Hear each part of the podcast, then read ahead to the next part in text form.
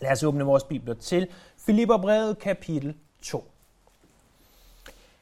Øh, Filipperbrevets hovedtema er, at Jesus er vores et og alt.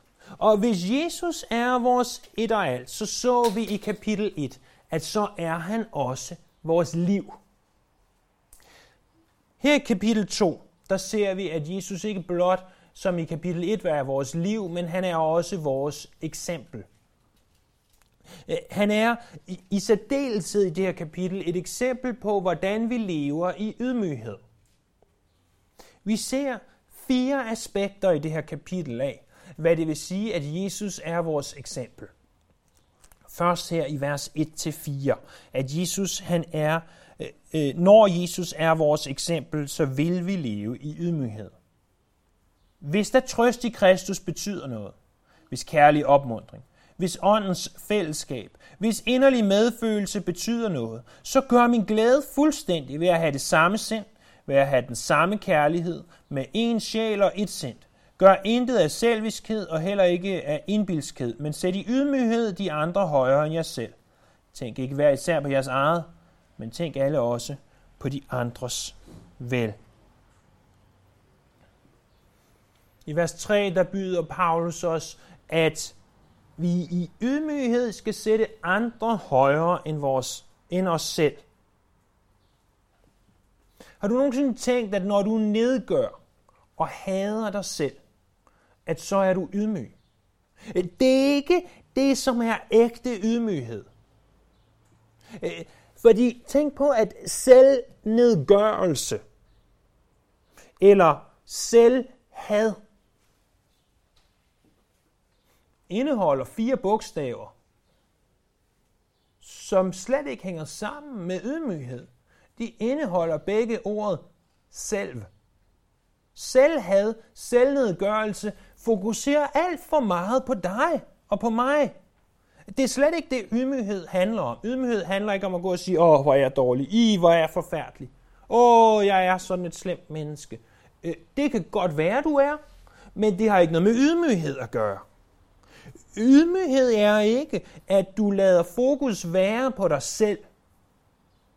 Ydmyghed er, at du lader fokus være på andre. Det handler ikke om dig, det handler om dem.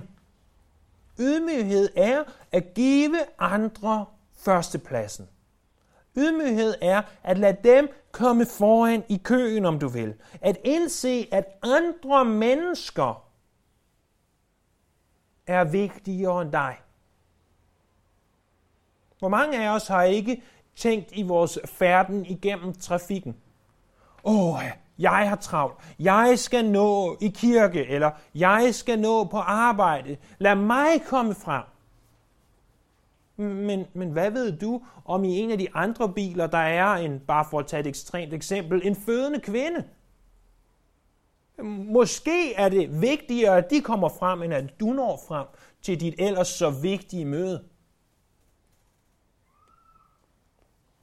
Når Paulus skriver noget til os, så giver han os ikke bare, hvad vi skal gøre. Han giver os også grunden til det og måden, hvorpå vi gør det. Han siger, øh, grunden til, at I skal sætte andre højere end jer selv, det er det, vi ser i vers 1.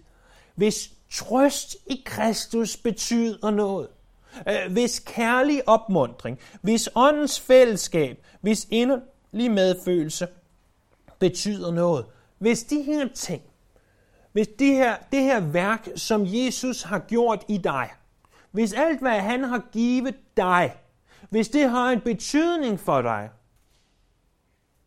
så siger Paulus, så gør min glæde fuldkommen ved at leve i ydmyghed.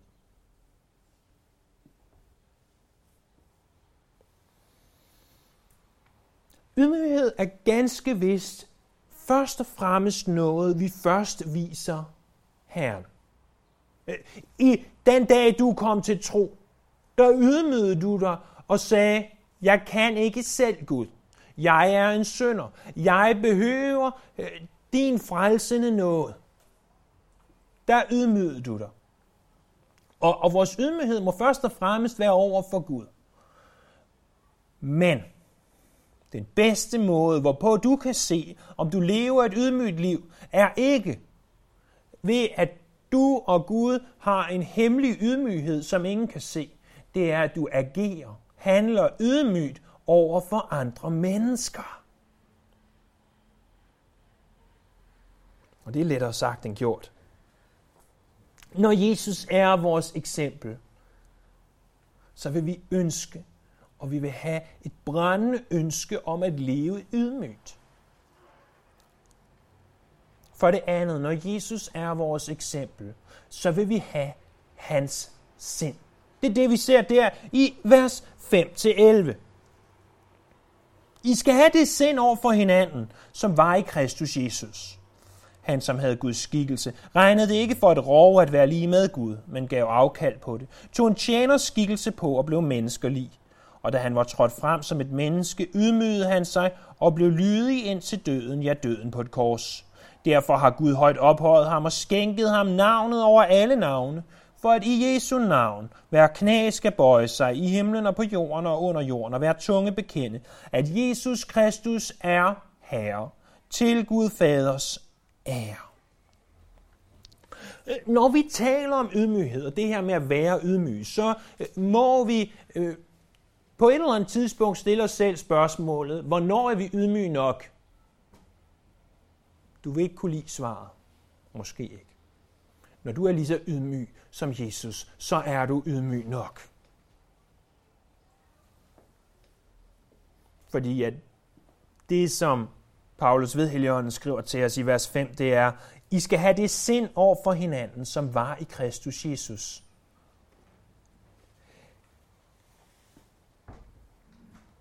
Når Jesus er vores eksempel, øh, så vil vi også have hans sind. Eller måske sagt på en måde, som vil relatere mere til os.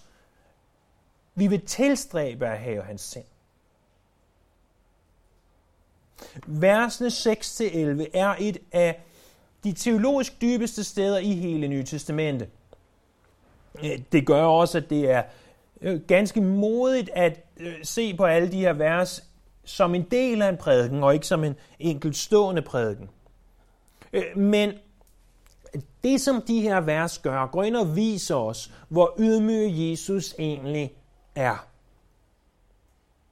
Samtidig fortæller den os aspekter af, hvem han er, hvad han har gjort, og, og hvor fantastisk og vidunderlig han er.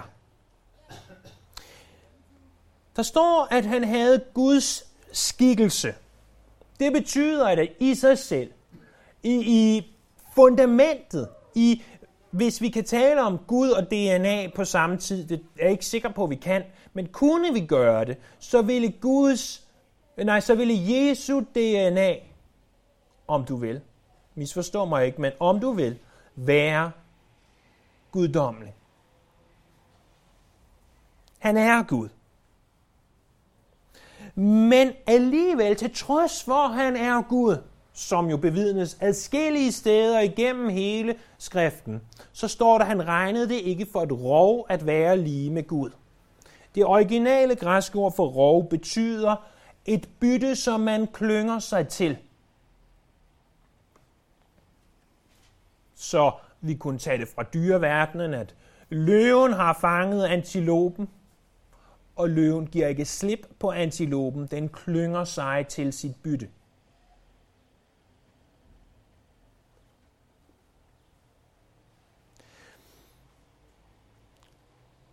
Måden, hvorpå jeg forstår det her, det er, at Jesus klyngede sig ikke til det faktum, at han er Gud. Han satte ikke neglene i det og sagde, det kan godt være, at jeg kommer som menneske, men jeg er Gud. Og derfor skal jeg have visse privilegier. Visse øh, fordele frem for jer dødelige mennesker. Det var ikke det, han gjorde. Han brugte ikke sin guddommelighed til sin egen fordel. Jesus han kunne aldrig og kan aldrig blive mere eller mindre Gud, for han er en del af den treenige Gud. Han fralagde sig ikke det guddommelige. Han fralagde sig ikke det guddommelige, men han tillagde sig det menneskelige. Vi ser det her relativt tydeligt i Matthæus kapitel 17, i det, at Jesus tager Peter, Jakob og Johannes op på forklarelsens bjerg. Og hvad er det så, der sker? Der står, at Jesus blev forvandlet for øjnene af dem, og han var øh, lysende klar pludselig.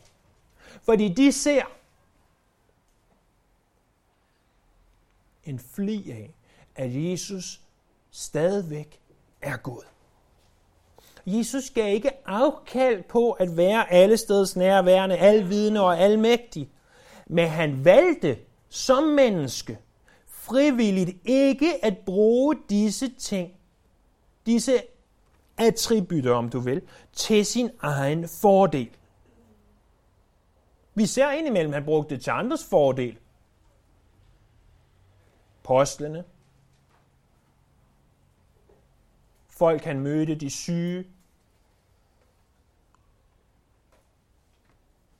Men han selv sagde, det kan godt være, at jeg er alle steds nærværende. Det kan godt være, at hvis jeg vil, kan jeg være i Galilea og Jerusalem på samme tid. Og alligevel så vælger jeg at gå den cirka 150 km lange tur på mine fødder for at komme frem. Eller hvad med der i ørkenen, øh, da Satan kommer for at friste ham og siger, prøv at høre Jesus, du kan jo du kan lave brød ud af de her sten. Og Jesus bare siger til ham, mennesket skal ikke leve af brød alene, men af hvert ord, der udgår af Guds mund. Hvilket jo er interessant, når vi sammenholder det med, at han senere tog fem brød og to fisk og brødfødte 5.000 mænd for uden kvinder og børn. Der kunne han godt gøre miraklet, men da han selv sad i ørkenen, alene, der gjorde han det ikke. Hvorfor?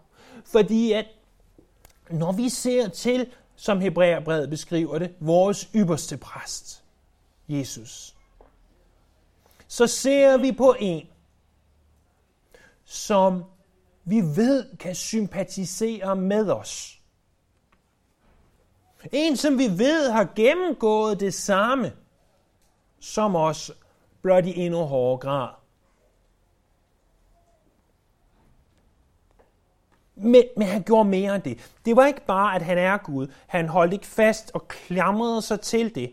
Han gav faktisk afkald på at bruge sine guddommelige egenskaber for at blive mennesker. Til gengæld så tog han en tjeners skikkelse på. I Markus evangeliet kapitel 10, vers 45. End ikke menneskesønnen er kommet for at lade sig tjene, men for selv at tjene og give sit liv som en løsesum for mange. Vi ser blandt andet det her eksemplificeret i det, at Jesus den øh, sidste nadvar aften tager en balje med vand og et eller andet, der minder om et håndklæde, og begynder at vaske disciplenes fødder. Han tog en slave, en tjeners position, og tjente dem, som i position var under ham. Men ikke bare tjente han dem, han var villig til at dø for dem og for os. For der står, at han blev lydig ind til døden, ja døden på et kors. Jesu ydmyghed, som er det, vi ser på, er, at han accepterede at dø frivilligt. Ikke bare dø ved at, ja, sådan en mere human måde, nej, den mest inhumane måde at dø på et kors. En måde, hvorpå at man efter jødisk lov vil se ham som forbandet. Der står i Moseloven, forbandet en vær, som hænger på et træ. Det er Jesu ydmyghed. Faderen anerkender hans ydmyghed ved, at der står derfor i vers 9. Derfor har Gud eller faderen højt ophøjet ham. Ikke som en belønning, men som en anerkendelse af, at det Jesus gjorde, det er sand ydmyghed. Derfor har Gud højt ophøjet ham og skænket ham navnet over alle navne, for at i Jesu navn hver knæ skal bøje sig, Der står, at det skal ske i Jesu navn, at et hvert knæ skal bøje sig for ham. Der står ikke, at det er ved Jesu navn. Der står ikke, at navnet over alle navne er Jesus. Jesus er et fantastisk navn. Det er et vidunderligt navn, men det er ikke navnet over alle navne. Og inden du løber skrigende ud herfra og råber vranglærer, så lad mig forklare dig, hvorfor. Der var øh, i Bibelen alene er skille mennesker med navnet Jesus. Men Jesus bliver givet navnet over alle navne. Når det navn, som han er givet, bliver udråbt, så bøjer hvert knæ sig, uanset om de vil eller ikke vil. De bøjer sig. Der er intet at diskutere.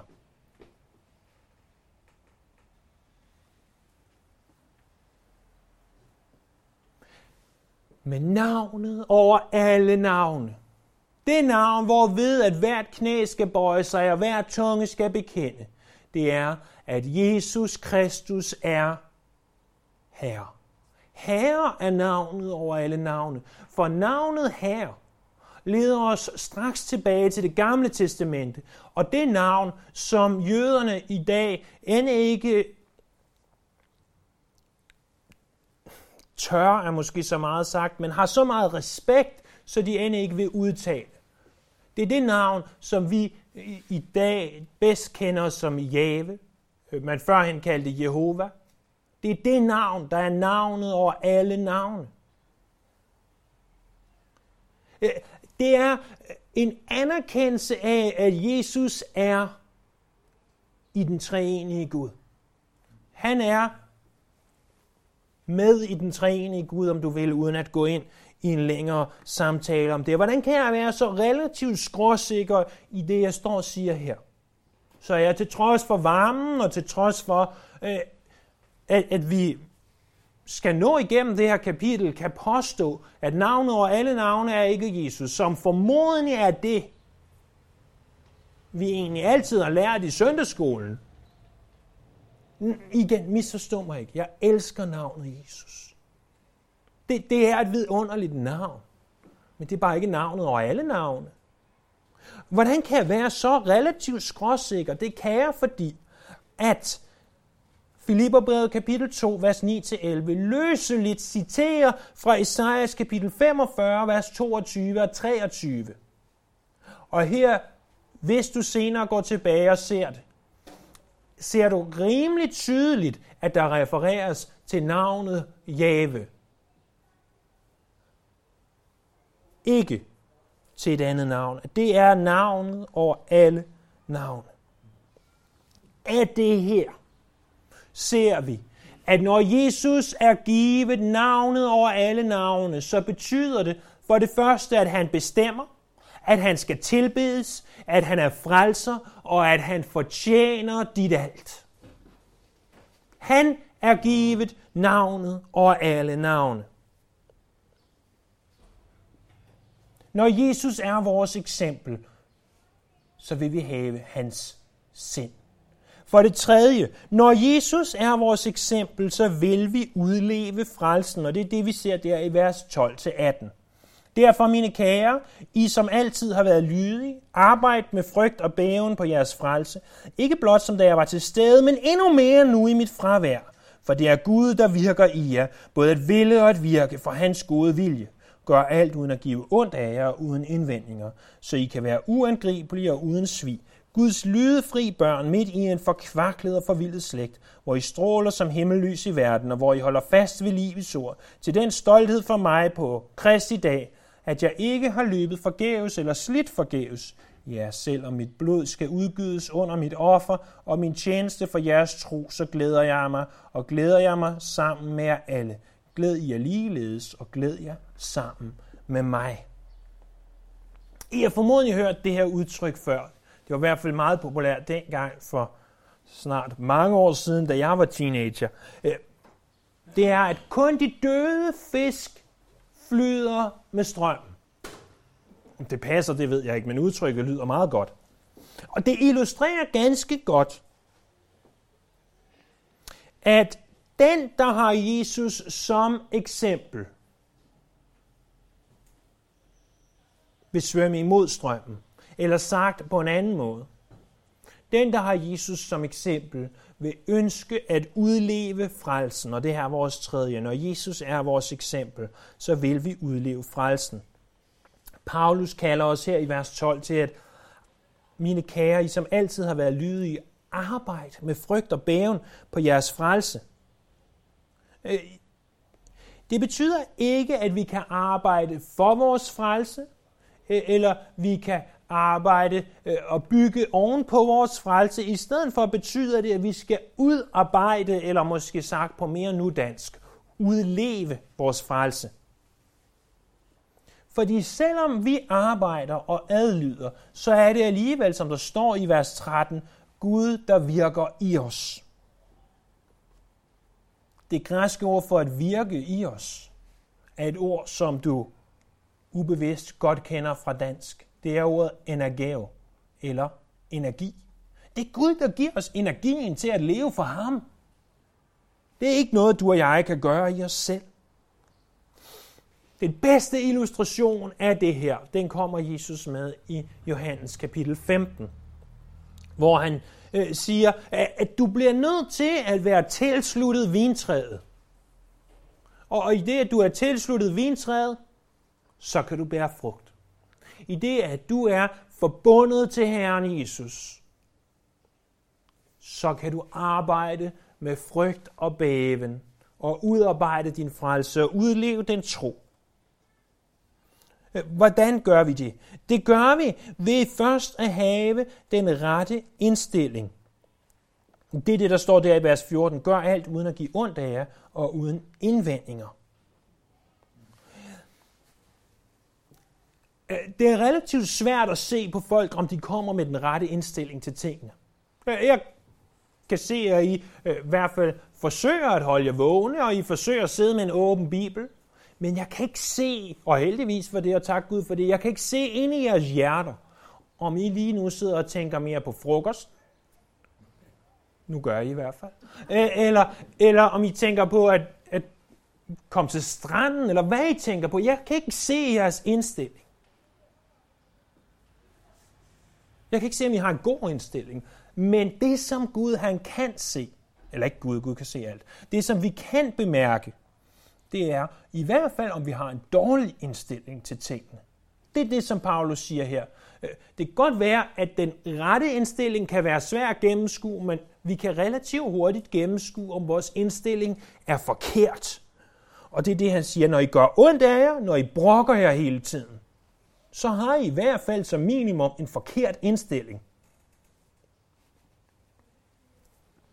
Det er en måde at udleve frelsen. En anden måde, det er, at vi lever vores liv, så det er Gud til behag.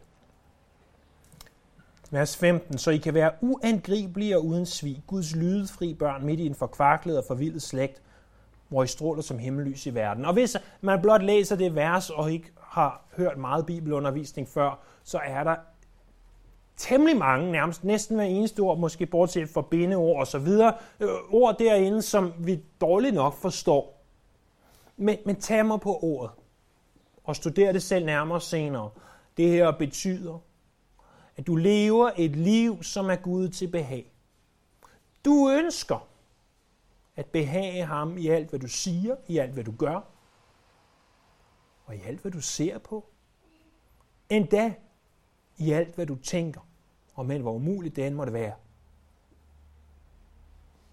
En tredje måde, det er også i vores vidnesbyrd i handling og ord. Hvorfor gør vi det her? Hvordan udlever vi frelsen? Det gør vi midt i en forkvaklet og forvildet slægt midt i vers 15, hvor I stråler som himmellys i verden og holder fast ved livets ord til den stolthed for mig på Kristi dag, at jeg ikke har løbet og slidt forgæves. Du udlever også frelsen i det, du fortæller andre evangeliet. I det, du lever som et himmellys. Noget, der skinner på himlen. Noget, der giver lys for en forkvaklet og forvildet verden, en mørk verden. Sådan udlever du også din frelse. For Paulus ønsker, at en dag, når han står foran tronen,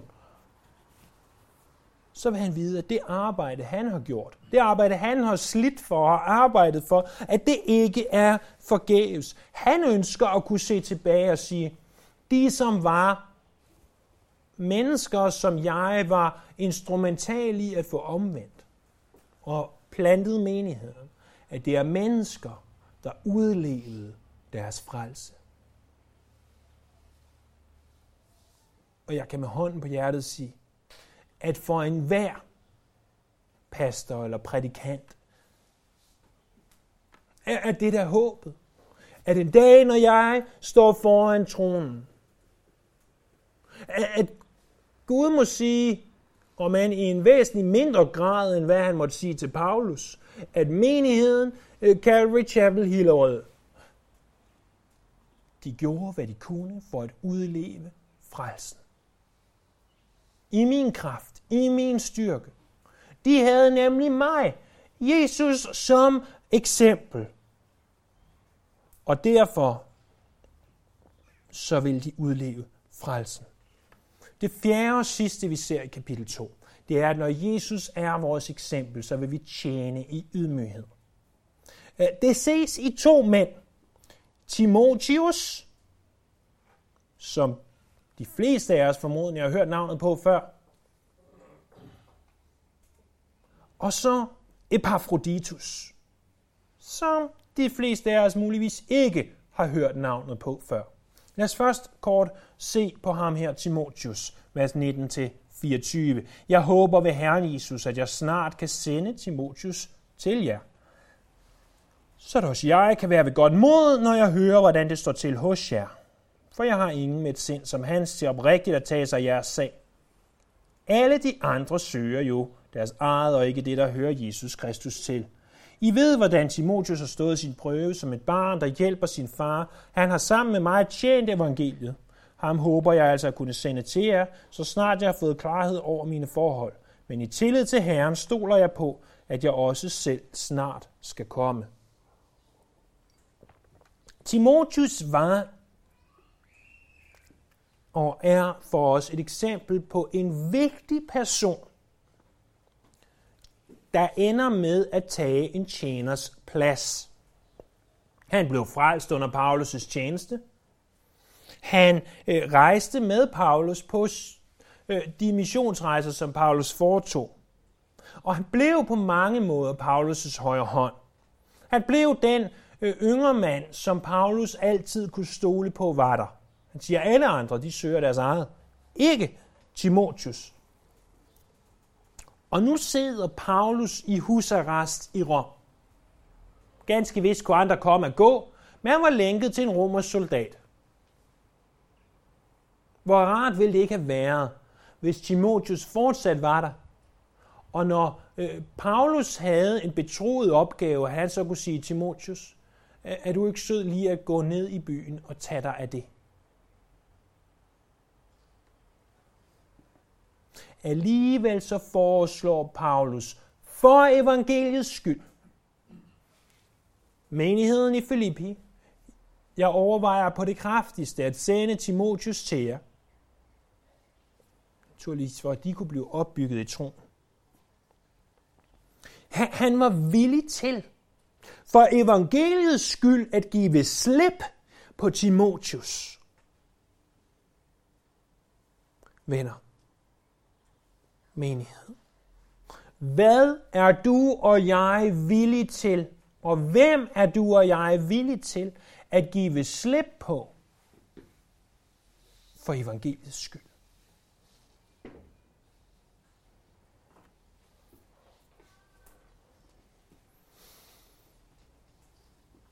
Men hvorfor var han så værdifuld for Paulus?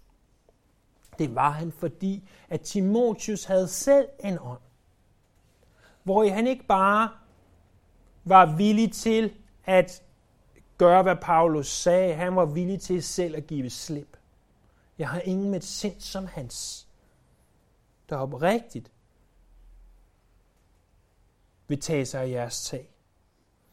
Han var ikke bare villig til at være, han var villig til at blive sendt ud for evangeliet. Han var en tjener det her ord for at tjene betyder at handle i fuldstændig tjeneste for en anden eller en anden sag. Det er en anden måde at sige, han var villig til at gøre en slaves pligter. Hvis jeg havde været Timotius, må jeg sige med sorg i stemmen, og jeg havde siddet der øh, som arving til Paulus' tjeneste, så havde jeg råbt, jeg havde skrevet, jeg havde revet, jeg havde sparket, jeg havde sat mig selv i håndjern fast til Paulus, for at sikre mig, at han ikke sendte mig bort. Jeg vil da ikke tage afstand fra apostlen. Jeg vil da blive der i hans nærhed. Men Timotius, til trods for den høje status, han var givet som Paulus' højre hånd, var han villig til at tjene. Han var villig til at blive sendt bort til at være en udsending. Men du og jeg stiller selv spørgsmål. Ikke bare om vi er villige til at sende noget eller nogen bort, som Paulus gjorde det, men er du villig til at blive sendt bort? Er, er du villig til at tjene til trods for din position? Den største i Guds rige, det er den mindste. Det er ham, der er villig til, eller hende, der er villig til at tage den lave position, til trods for deres status. Og, og hvis vi bare lige må stoppe et øjeblik, var det ikke også det, Jesus gjorde? Til trods for, at han ikke holdt fast i, eller han holdt ikke fast i det faktum, at han er Gud. Og han var villig til at tage en tjeners skikkelse på. Det var han villig til at gøre. Hvad med os? Så ser vi den anden mand, som Paulus skriver om. Vers 25. Jeg har ment det nødvendigt at sende Epafroditus til jer, min broder og medarbejder og medkæmper for jer og jeres egen udsending, som I sendte til mig at tjene mig. Med hvad jeg havde brug for. Han har nemlig længtes efter jer alle og været urolig, fordi I havde hørt, at han var syg. Og syg har han været døden nær. Men Gud var barmhjertig mod ham, og ikke mod ham alene, men også mod mig, så at jeg ikke skulle have sorg på sorg. Så meget mere ivrig er jeg for at sende ham, for at I skal glæde jer på ny ved at gense ham, og jeg selv have mindre grund til sorg. Tag nu imod ham i Herrens navn med stor glæde og holder den slags mennesker i ære, for under arbejdet for Kristus satte han livet på spil og var nær ved at dø for at opfylde, hvad der endnu stod tilbage i jeres tjeneste for mig. Epaphroditus kom oprindeligt fra Filippi. Han var øh, sendt derfra for at bringe en pengegave til Paulus. Men ikke bare skulle han bringe en pengegave, han havde også en anden gave med. Ham selv. Han skulle komme for at betjene Paulus, være en slags sekretær, assistent, kald det hvad du vil. Så sker der det, at han kommer, så bliver han dødeligt syg. Han bliver simpelthen så syg, så han var døden nær. Og han kunne på sin vis nok ikke udføre sine pligter fuldt ud. På en eller anden måde får Filipperne at høre om det her, og de bliver urolige for deres bror i troen, at han var blevet syg. Og Epaphroditus, han blev urolig, fordi de var urolige. Så det ender med nu, at formodentlig sammen med det her brev til Filipperne, sender han Epaphroditus. Og han siger, prøv at høre, det kan godt være, at Epaphroditus blev syg. Men han har ikke fejlet. Det er det bedste for evangeliet, at jeg sender ham retur. Han er en broder, en medarbejder og en medkæmper. Men når der står, at han er en medkæmper, var han så ikke bare en, ja, undskyld til jer, der måtte have arbejdet som postbud, men var han ikke bare et postbud? Hvad er et postbud andet end en, der leverer meddelelser fra, fra en til nogle andre? Var han ikke bare en tjener?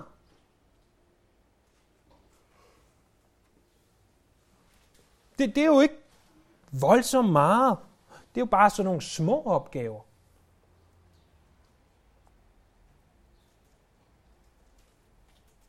Timotheus, han havde den prominente position og var villig til at tage en slaves opgave. Epafroditus, han havde allerede en tjeners opgave. og alligevel kunne han blive brugt af Gud. Jeg tror, at de fleste af os vil se os selv mere som en Epaphroditus end som en Timotius. Åh, det, det er jo bare kaffe, jeg laver til Guds tjeneste. Det er jo bare et toilet, der blev gjort rent. Øh, det er bare en prædiken af stykker sammen. Men venner, lad os ikke se ned på de ting, som i verdens øjne må det være små. Må det være lave.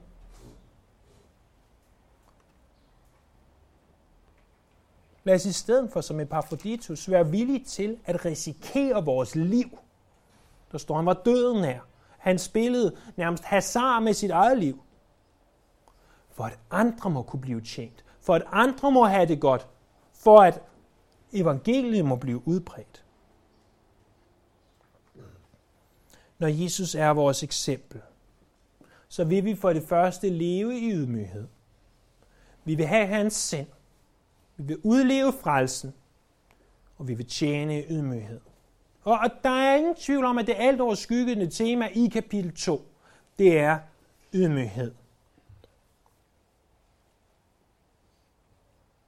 Men husk, husk det nu. Glem det ikke. Indprint jer det, at ydmyghed er ikke blot noget, vi taler om. Det er noget, vi gør. Det er en handling. Lad os bede.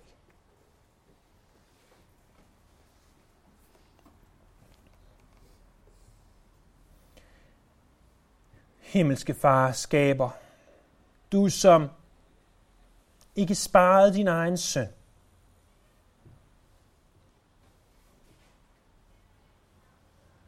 Hvordan kan vi næsten komme i andet end ydmyghed til dig? Og alligevel er mit hjerte så tit fyldt af det modsatte, af hårdmod.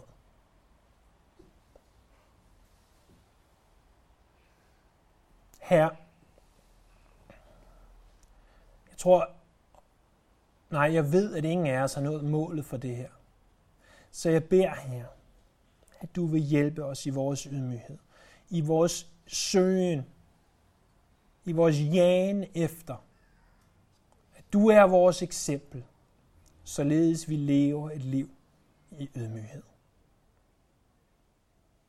Vi tilbeder dig, vi ærer dig, og vi priser dig. Amen.